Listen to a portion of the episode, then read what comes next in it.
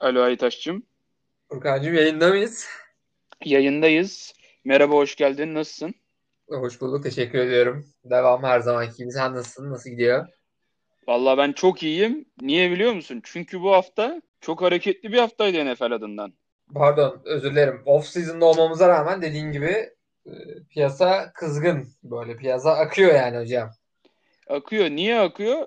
Franchise tag'lerin son günüydü. O yüzden onları ayarlamak için takımlar bir sürü hamleler yapıldı. Sonra cap space, yeni cap space açıklandı. 10 milyon aşağı ince 192 milyondan 182 milyona düşeceği açıklandı. Takımlar çılgın gibi iyi oyuncuları, eski Pro Bowl oyuncularını falan salmaya başladılar cap space'i ayarlayabilmek için. Ee, oyuncu kestiler bir sürü. Gündemimiz yoğun. Anlatıyorsun yok franchise tag, yok all, all pro'lar, yok cap space de yani dinleyiciler anlayacak mı peki?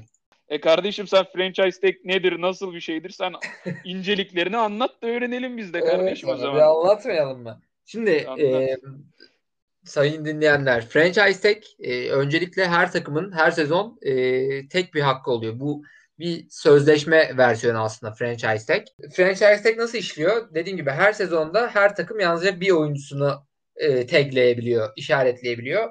Bu taglediği oyuncu da e, herhangi bir başka takımla e, sözleşme yapamıyor. Bir yandan da kimleri tagleyebiliyor takımlar? Sözleşmesi bitmiş. Artık free agent dediğimiz e, serbeste çıkacak oyuncuları tagleyebiliyorlar.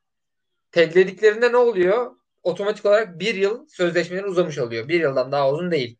Peki soracaksınız bu adamların maaşı nasıl oluyor? Peki onlar bunu istemezse, kabul etmezse ne oluyor?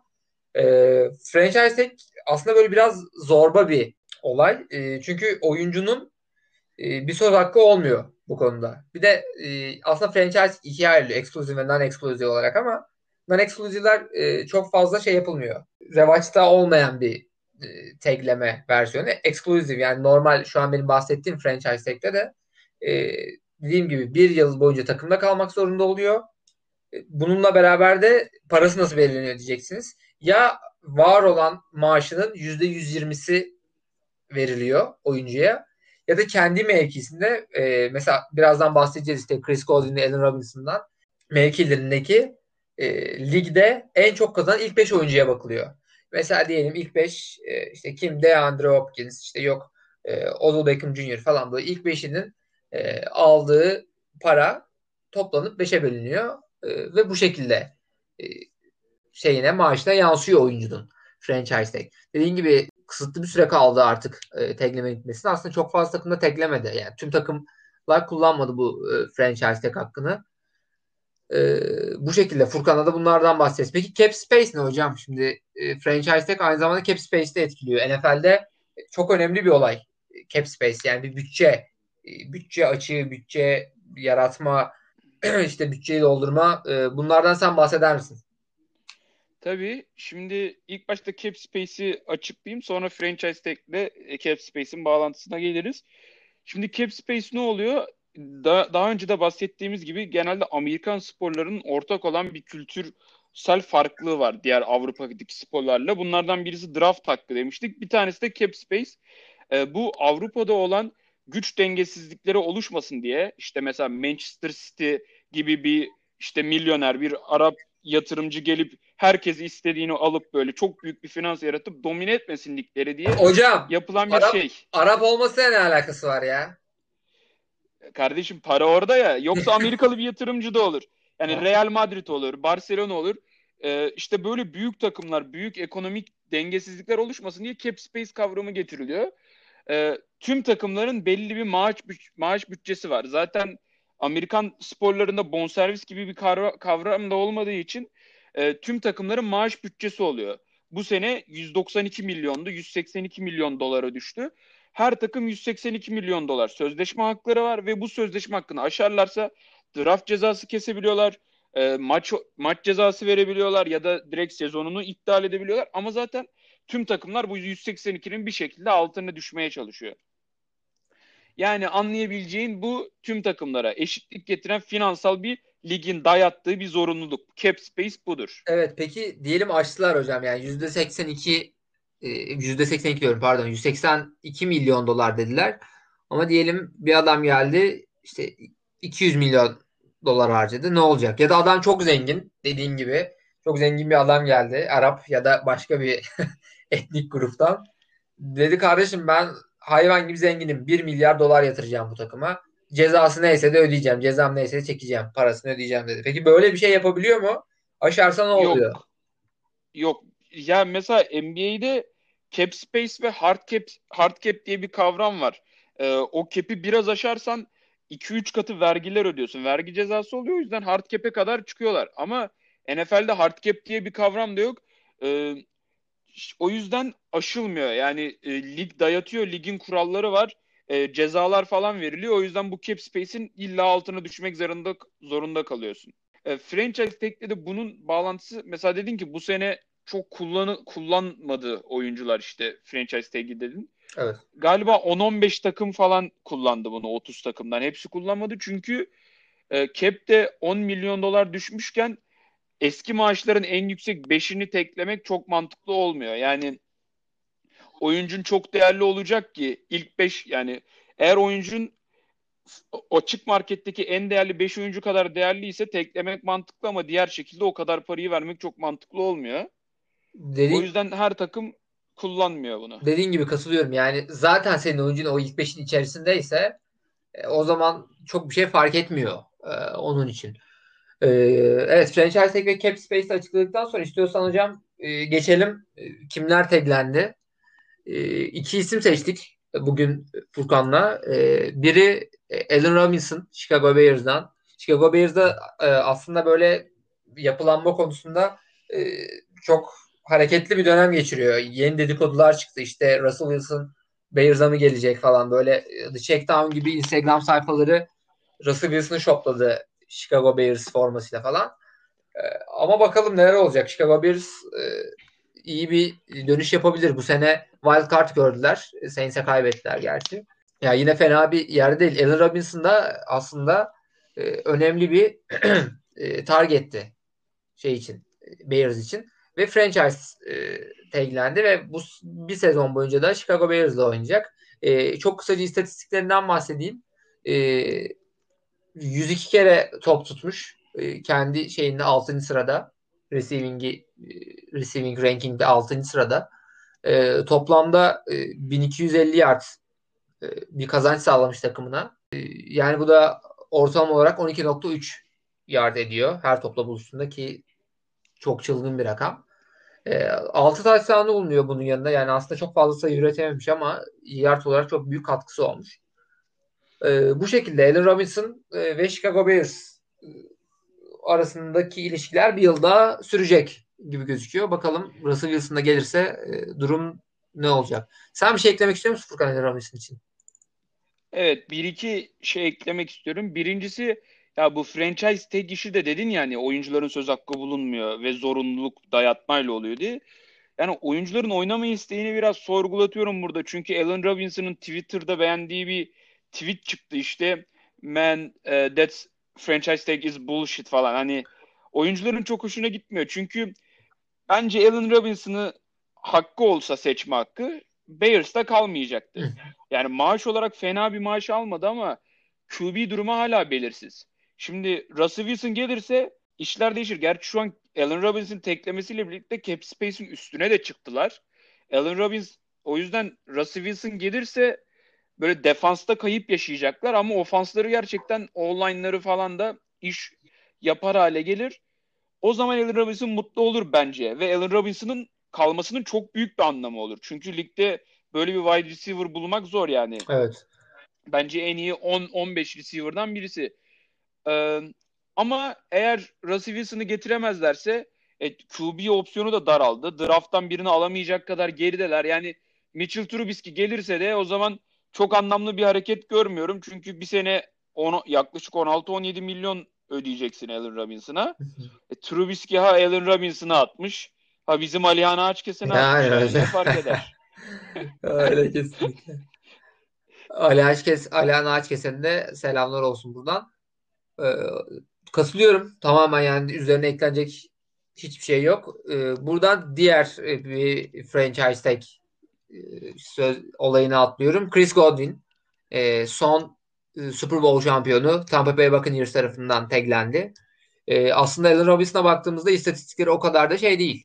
E, göz doldurucu değil. E, toplam 65 kere top yakalamış. Neredeyse Allen Robinson'ın yarısı. E, 55 e, pardon 65 receiving'i var. E, 840 yaptık bir 840 yaptık bir e, takımda desteği olmuş. E, 7 touchdown yapmış. Yani toplam 42 sayılık. Yani çarpmam da hızlıdır yani. Hemen bak 6 kere 7 42. E, sayılık bir e, katkı yapmış takımına. Ne düşünüyorsun Furkan? Sen ne diyorsun? Chris Godwin neden teklendi? Mutlu mu? Tampa Bay tarafından teklenmesi mantıklıydı bence gayet Chris Godwin'in. E şimdi şampiyon olmuşsun ve takımda karışıklıklar var. Yani nasıl karışıklıklar var? Lavante David imzalayacak mı belli değildi. Onu gerçi imzaladılar. Şimdi Gronkowski'nin durumu belli değil. Leonard Fournette'in durumu belli değil. Shaq Barrett'ın durumu belli değil. Ee, bu Suh, Suh vardı D tackle. Onun da durumu belli değil. Ve Tampa Bay'in çok bir cap space'i yok. O yüzden bu dört yani bu beşliden yok bu 5-6 kişiden üçünü falan tutabilecekti. İkisini tuttu. Lavante David'le uzattılar. Chris Godwin'i de mecbur olarak teklediler. E, bence yeri doldur, doldurulamaz bir oyuncuydu. Yani özellikle şu piyasa üzerinde şu cap space azaltmasında ben çok mantıklı bir hamle olduğunu düşünüyorum. Biraz da Tom Brady efekti. Yani Tom Brady demiştir. Ya bu Godwin iyi çocuk. Siz bunu tutun yani. dediyse yönetim imzalamıştır. Yani öyle olmuştur önce. Olaya katılıyorum hocam. Bence de desteklerine devam edecektir. Benim de beğendiğim bir receiver kendisi. Ee, ben buradan söyleyeceğim bir şey yoksa Tempo Bay'in durumuna dair bir iç dinamiklerine Aynen geçecek. ben de o tam oraya atlayacaktım zaten. Tam Tampa Bay sözleşmeler, dağılmalar vesaire dedik. Sendeyiz o zaman. Ya şimdi kardeşim bizi biliyorsun. Finans dersimizi alıyoruz. Accounting derslerimizi Marketing aldık. Marketing sınavına girdik Bu, bugün. Marketing sınavına girdik bugün. Bu işler bizim ilgimizi çekiyor. Bu NFL takımları da çok çakal. Yani şimdi cap space var dedik, sözleşmeler var dedik. E, bunun çakallıkları da var tabii. 2-3 tane muhasebeci bunların inceliklerini buluyor. E, onlar ilgimi çektiği için o konuya girecektim. Şimdi Tampa Bay'in şeyi cap space'i yok normalde. Ama verdiğin parayla cap space tam olarak aynı şey olmuyor bazen. En son bir haber çıktı. E, Tom Brady Tampa Bay ile yeni bir anlaşma yaptı diye. Ama zaten Tom Brady'nin hali hazırda bir sözleşmesi vardı 2021 için. 2022'ye kadar uzattılar.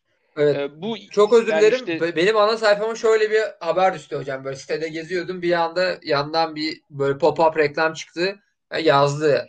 Tom Brady 5 santim uzattı. Nedir hocam bu uzatma? bu uzatma nedir hocam? Şimdi hangi sitede olduğunu söylemeyeyim de. Ee, kardeşim söyleyeyim. Şimdi Tampa Bay ile e, Tom Brady 2021'e kadar sözleşmesi vardı. Yapılandırmaya gittiler. Yani tekrar bir sözle oturdular masaya. Tom Brady'yi 2022'ye kadar bağladı Tampa Bay kendisine. Bir sözleşme daha imzaladı 2022'ye kadar. Ama asıl gelmek istediğim yani tamam Tom Brady bir sene daha oynayacak. Bu önemli bir gelişme de adam robot gibi olduğu için ve bu yaşta Super Bowl kazandığı için artık normal karşılıyoruz. Herif 50'ye kadar oynasam dese normal karşılıyoruz. 45'e kadar oynayacağım dedi bu arada. İşte 2022'ye kadar uzattı ya ondan dolayı. Evet, evet. Ee, daha önemli bir mesele var. Ee, işte burada cap space çakallıklarına gelmek istiyordum buradan. Şimdi e, imza parası denilen bir şey var Aytaç. Evet. Oyuncuların kontratları böyle 3-4 e, maddede inceleyebiliriz. Bir imzalama parası var. E, oyuncuya direkt veriyorsun bu işte şey imzaladığında net para oluyor. Bir base salary denilen bir garantili parası var. Yani sakatlansa adam ölse maça çıkmasa o maaşı alacak. Öyle bir garantili maaşı var. İkisi farklı. Biri normal maaş, yıllık maaşı. Birisi imza parası. Üçüncü olarak insentif yani maç başına aldığı paralar var. Maç her maç çıkışında para alıyor. Bir de performansa bağlı bonuslar var. İşte Pro Bowl'a katılı Pro Bowl seçilirsen 1 milyon dolar. Super Bowl MVP seçilirsen 2 milyon dolar. Atıyorum evet. şu an sayıları da. Yani kontratları 4 şeyde incelemek lazım. NFL finansçıları da ne yapıyor abi bunu kullanmak için? Ee, imza parasının şöyle bir avantajı var. İmza parasını sen adama verirsen bu sene mesela e, o dörde bölünüyor. Yani kontratın kaç yılsa ona bölünüyor. Ben 2 sene imzaladıysam imza parası cap space'i 2 yıl etkiliyor. 3 yıl imzaladıysam imza parası cap space'i Ama sen tek seferde veriyorsun değil mi parayı? Evet. Ya genelde tek onu o şeye kalmış biraz. Şirketin tercihine Hayır, kalmış takımın. Ee, sözleşmeye bağlı. Şimdi bunu takımlar nasıl kullanıyor? Tom Brady örneğini bu yüzden vermek istiyordum. İşte Shaq Barrett'ı, Gronkowski, Fournette'i üçünden birini ya da işte tutabildiği kadarını tutmaya çalışıyor ama cap space'i yok dedik. Bunu herkes düşünürken bir anda Tom Brady imzaladı. Abi iyi de Tom Brady imzaladıysa daha çok para yapması lazım diye düşünüyorsun. Abi öyle olmuyor işte. Bunlar çakal. Finansçılar void year denilen bir terim geliştirmiş bunun için. Tom Brady ile 2022'ye kadar imzalıyorlar sözde ama kontratta boş 2 yıl daha var. 2023 ve 2004, hmm. 2024 yılına yayıyorlar kontratı ve imza parasını yani kontratın çoğunu imza parası olarak veriyorlar. Böyle olunca ne oluyor? Tom Brady'nin parası 2 sene 2 sene yerine 4 seneye yayılıyor. O yüzden cap space atıyorum şu an. Mesela 25 milyon olacakken yarısına düşüyor. 10 milyona falan düşüyor bu sene için cap space. Böylece ne oluyor? Tom Brady'nin maaşını azaltmadılar ama cap space'i azalttılar. Bu yüzden e, ben Tampa Bay'in bu üçlüden en az birisini tutmasını bekliyorum bu sene. Evet tutmalı bırakmalı bir sezon e, içindeyiz şu anda. Dediğin gibi e, şeyden bahsettik mesela. Patrick Mahomes 500 milyon dolarlık 10 yıl imzaladı diye bunları bam diye vermiyorlar. Dediğim gibi mesela 500 milyon doların işte e, base salary'sini işte ne kadar garantiyse onu 10 yıla bölerek veriyorlar. İşte signing bonus'u yine dediğin gibi e, sözleşmeye bağlı olarak işte yayarak veriyorlar. E, cap space'i o yüzden yönetmeleri çok e, önemli oluyor. Özellikle uzun e, sözleşmeler yaparlarsa yani uzun yıllar boyunca onu düşünerek hareket etmeleri gerekiyorlar. Yeni sözleşmeler yaparlarken. E, dediğin gibi bu void contract'te çok zekice yani işin bug'ı gibi bir şey. Dediğin gibi Tom Brady yıllık imzaladı. Ama aslında sözleşmesi işte 2023 ya da 2024'e kadar e, sadece şeyi bölmek için. E, cap space'e çok fazla yüklenmemek için e, yaptıkları bir oyun. Aslında çok çok mantıklı, çok da zekice ama e, yani bunu da gizli olarak yapmıyorlar. Belki yakında buna da bir regülasyon getirir NFL. İşte o yüzden ama şeye güveniyorlar bu sefer de. Genelde NFL'de öyle bir düşünce var. Covid'den dolayı falan cap space azaldı. Normalde NFL büyüyen bir marketti. 2022-2023'te cap space artar. Biz de kontratları kurtarabiliriz. Yani bu yüzden geleceğe erteleyip duruyorlar. Evet. Gayet de mantıklı bir strateji ama dediğim gibi biraz da ellerinde de patlayabilir. Dediğim gibi Tom Brady yok derse bam hepsini öderlerse o seneki cap space'i çok e, sıkıntıya sokabilir bu durum. Evet Aytaş'cığım. O zaman istersen Tom Brady'nin eski takımının QB durumuna geçelim. Cam Newton, bu, Cam bunu şeyinle paylaştık e, Instagram üzerinden.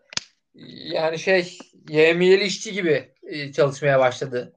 E, artık çok büyük bir sıkıntı içine girdi geçen dönem New England. Bill Belichick dönemi, Bill Belichick ve Tom Brady dönemi işte Patriots Dynasty diye bahsetmiştin sen hatta geçen bölümde Furkan. Tom Brady'den Tom Brady gittikten sonra hatta Gronk'u da yanında götürdükten sonra bir anda çok kötü bir sezon geçirdi New England Patriots. İşte bunun bu takımın başında da yani ofansının başında da Cam Newton vardı. E, Panthers'tan gelen. E, ama iyi bir varlık gösteremedi. E, ve çok kötü bir sezon geçirdi Patriots. Ondan sonra bir yıllık sözleşme imzalamışlardı Newton'la. E, free agent'a düştü. Hatta ondan sonra işte emekli mi olacaksın falan böyle muhabbetleri geçti. Hatta bir röportajında Cam Newton şey dedi. İşte yani böyle bir durumda bu şekilde emekli olmayacağım asla falan dedi. Sonra tekrar bir resign etti e, New England.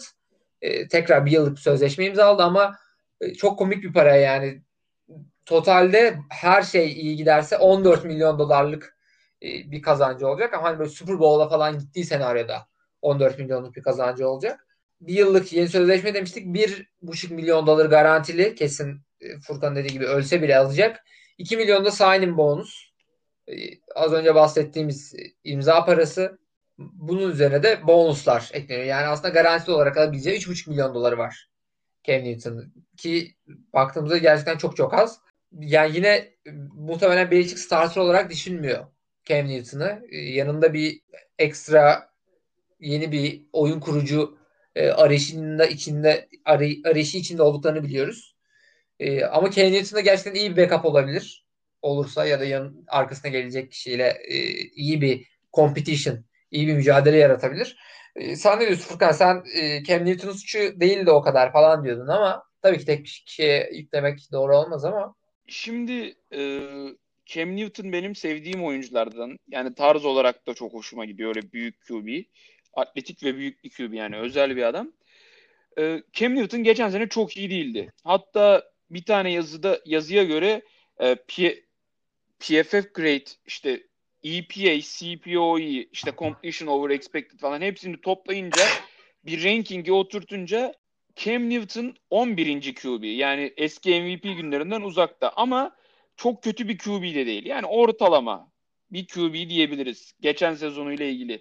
Tabii pas istatistikleri biraz kötüydü.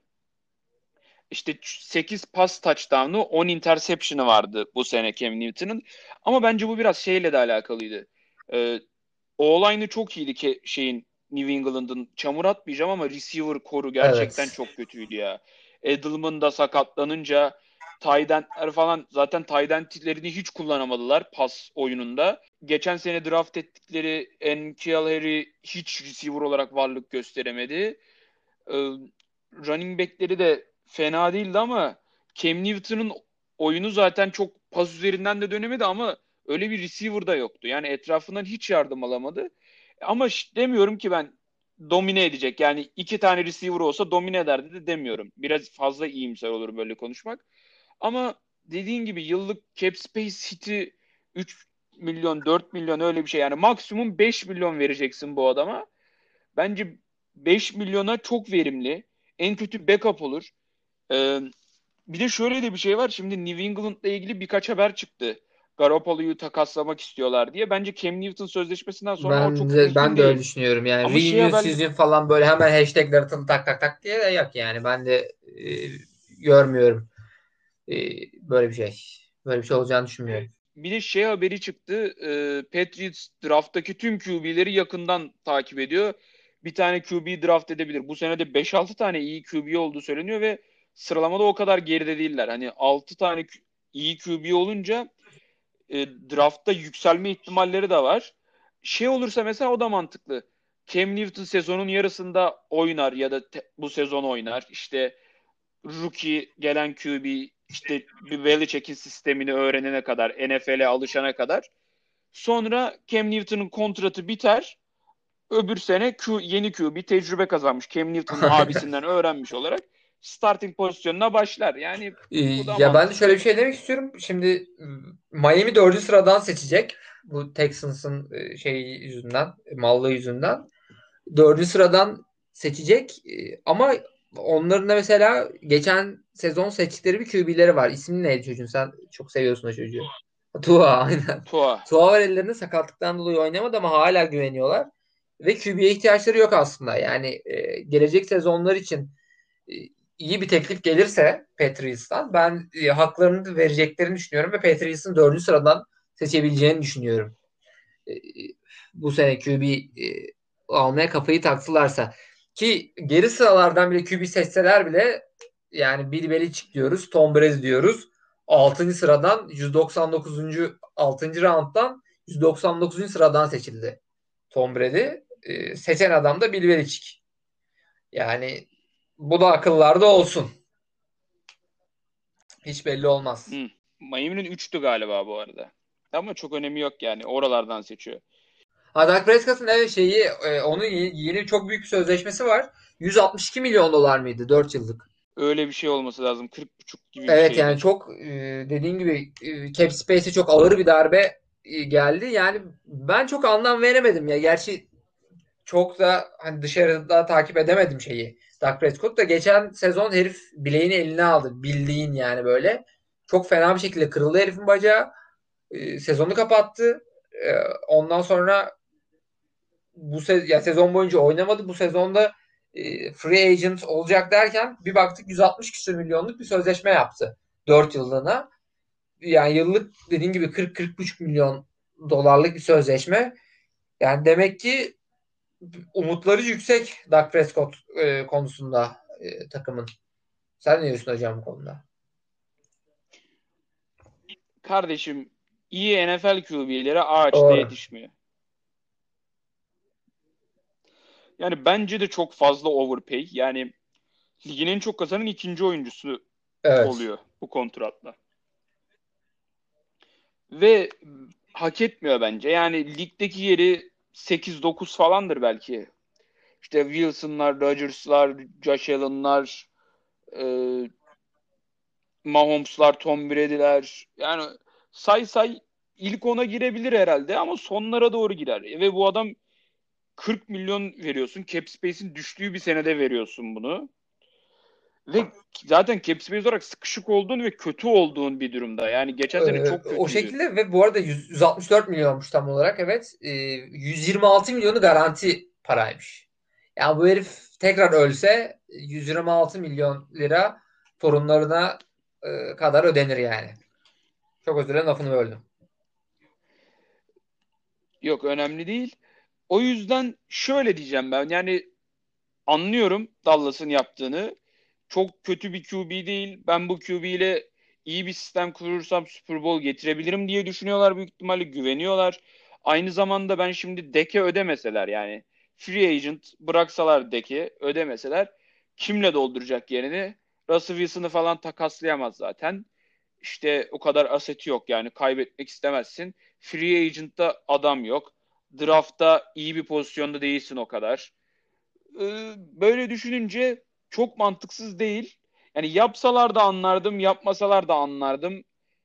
Ortada bir karar benim için. Yani o kadar da sövecek durumda değilim. Tamam fazla para verdiklerini kabul ediyorum ama evet, yani evet bir görmek lazım biraz bence.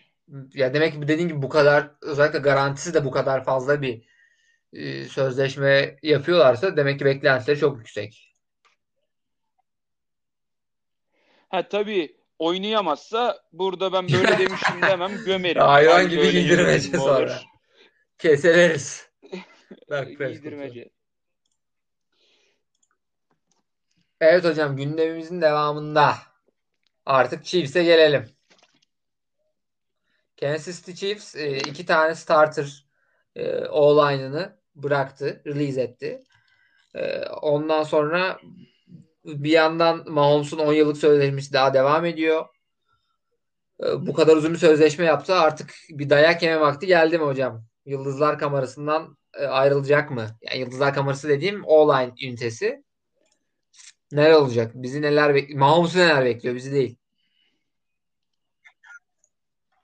Allah Mahomes çok yeri görür. Mahomes bu gidişle çok yeri görür abi. Şey gibi Russell Wilson gibi kariyerinin sonunda kardeşim biz dayak yemekten yorulduk artık şu takımdan beni alın diye ağlamaya başlayabilir. Çünkü e, ve kötü olan yani şöyle diyeyim yine bu kararını da anlıyorum Kansas City'nin. Herkes çok gömmüş. Kardeşim Mahomes'u yerden yere vurdular. Siz niye iki tane oğlayınızı kesiyorsunuz, kesiyorsunuz diye. Çünkü birinci birisi Schwartz galiba 5 senenin dördünde falan All Pro mu Pro Bowl mu ne seçilmiş. O kadar başarılı bir oğlan. Diğeri de 2012 ya da 2013'te first round'un first pick'i olan bir tackle. Hmm. Eric Fisher. Birisi sağ tackle, birisi sol tackle. Ama e, birisi şey hatırladığım kadarıyla Schwartz belinden sakat ve ne zaman döneceği belli değil. Bu sezonu da kaçırmıştı zaten ve öbür sene ne olacağı, dönüp dönemeyeceği belli değil. Eric Fisher'ın da aşili yırtılmış galiba. Şimdi ikisi de ciddi sakat ve seneye ne zaman dönecekleri belli değil. Cap space azalmış ve sen bu iki adamı keserek yaklaşık yıllık 15-20 milyon dolar bir cap space kazanıyorsun. Ee, yani bu sene doğru düzgün oynayamayacak oyunculardan kurtulmak için sen de hep şampiyonluk bekleyen bir takımsın. Ee, şöyle bir not düşüyorum. Eğer yerlerini iyi ofansif line'larla doldururlarsa mantıklı bir karar yani anlaşılabilir bir karar yönetim beceriksizlik yaparsa böyle yönetimin suratına tüküreyim sizin alacağınız kararı. Yani yani evet planları bu, da bu şey ilgili. yapmak lazım. Dediğim gibi büyük bir kan e, online büyük bir kan kaybı. Gerçi e, şeyde gördük bu iki tackle'larının da e, olmadığı senaryoda e, şeyin Chiefs'in ne kadar zorlandığını gördük Super Bowl'da. Yani Tampa Bay boğdu gerçekten içeride herifi. E, pass rush'larıyla. Dediğim gibi iyi bir e, şey yapmaları gerekiyor. Seçim yapmaları gerekiyor. Draft'ta da çok geriden seçecekler. Bakalım neler planlıyorlar. O boşlukları nasıl dolduracaklar? İki şey ekleyeceğim. E, bir tanesi bu draft'ın özellikle ofansif tackle ve ofansif guardlarda çok dolu olduğu ve birinci turun sonlarından ve ikinci turdan bile gerçekten starter olabilecek oyuncular bulunabileceği söyleniyor. Bu bir avantaj. İkincisi tek bunlar da değil. Galiba yanlış hatırlamıyorsam Kansas City'nin center'ı mı gardı mı free agent oluyordu starter. Yani şey diyor millet hani e, bu seneki beşliyle e, başlayacak beşlinin yani geçen senekiyle bu senenin tamamı farklı olabilir Kansas City'de diyor. Abi bu biraz da kimya işidir online oynamak. O yüzden gerçekten enteresan bir sezon olacak. Ama Haftanın bu bizi nereye adamı, getiriyor? Birileri yere dönüyor. Uzaydan. O görevinden, o kutsal görevinden ettiği yeminden ah. yeminini tamamladı geri dönüyor. O geri dönüyor hocam. Sendeyiz. Evet. Kardeşim. Yine tanıdık bir isim ilk, ağırlayacağız. İlk haftanın adamı haftanın adamında. Duvernay Evet. Duvernay Tardif. Kimdir bu Duvernay Tardif? Kansas yeah. City'nin emektar gardı. Bu adamın ne özelliği var diye sorabilirsiniz. Siz burada otururken ah koç divan açılsa bizim okul açılsa da divanda piyasa yapayım derken bu adam Montreal'in hastanelerinde yeah. Covid'le savaşmak için milyon dolarları bıraktı. Amerikan futbolunu bıraktı sırf, 2020'de kardeşim. Sırf siz gidin Nedir bu adamın özelliği? E, koç divanda şinitselinizi yiyin diye. Evet. Bilmeyenler varsa e, şeyin Kansas City'nin sağ gardı aynı zamanda doktor doktor yani do- doktor dediğim diploması ha, falan var. Degrees. Gerçekten doktorluğu bitirmiş. Öyle online olmuş. Medicine'ı bitirmiş. Öyle online olmuş. Adam 2020'de Covid çıkınca e, Kansas City ile bir sözleşmesi var. O sözleşmesini feshediyor. E, option'ını kullanmıyor. Ben diyor Covid ile savaşacağım kardeşim. Paralar, milyonlar umurumda değil. Sağlık. Birinci sa- sağlık hayattaki en önemli şeydir benim diyor. Yeminim var diyor. Ama ne oluyor şimdi? Çıkan haberlere göre 2021'de bu abimiz yani geri dönecekmiş. Hocam yani bu Nasıl aslında bir mesaj mı yoksa artık hani Covid rahatladı yavaştan bitirdim. Adam kafada bitirmiş zaten Covid'i. Geri dönüyor şu anda. Yani sevindirici bir haber sahalarda görmek güzel olacak. Bu sene zaten çok bir şey yani çok bir şey kaybetmedi değil de yani Super Bowl'u kazı Super Bowl'u kaybetmedi en azından. Ama bizim gönlümüzü kazandı. Milyonların gönlünü kazandı. Ee, yani haftanın adamı birinci yılda, birinci bölümümüzden sonra sekizinci bölümümüzde tam iki ay sonra e, tekrar e, Duvernay Tardif oldu haftanın adamı. Bir de, bir de şöyle bir şey var. Şimdi bu adam fiziksel olarak falan nasıl dönecek bilmiyoruz ama o Kansas City'nin olayını o kadar kötü ki bu adamın ölüsü iş yapar. Bir de Covid'le savaşıp yenen adam defansif guardlara şeylere D tackle'lara pardon ya, yani hocam adam ölümle burun buruna yani. ön saf ön saflarda savaştı. Yine de hep bahsediyoruz yani futbolda da e, maç her zaman ön saflarda kazanılır. In trench diyoruz. Bu adam da hem ha. hastanede hem de sahada trench'te savaşıyor. Bu adam o adam işte. Arkadaşlar bu adam o adam. Ee, var mı ekleyecek bir şeyimiz Furkan? O zaman herkese bizi dinlediği için çok teşekkür ediyoruz. Çok keyifli bir bölüm oldu. Daha sezon başlamamasına rağmen çok e, değişik planlarımız var ileride. E, bizi Instagram'dan e, takip edin. Takip etmeyi unutmayın. Kendinize iyi bakın. Görüşmek üzere.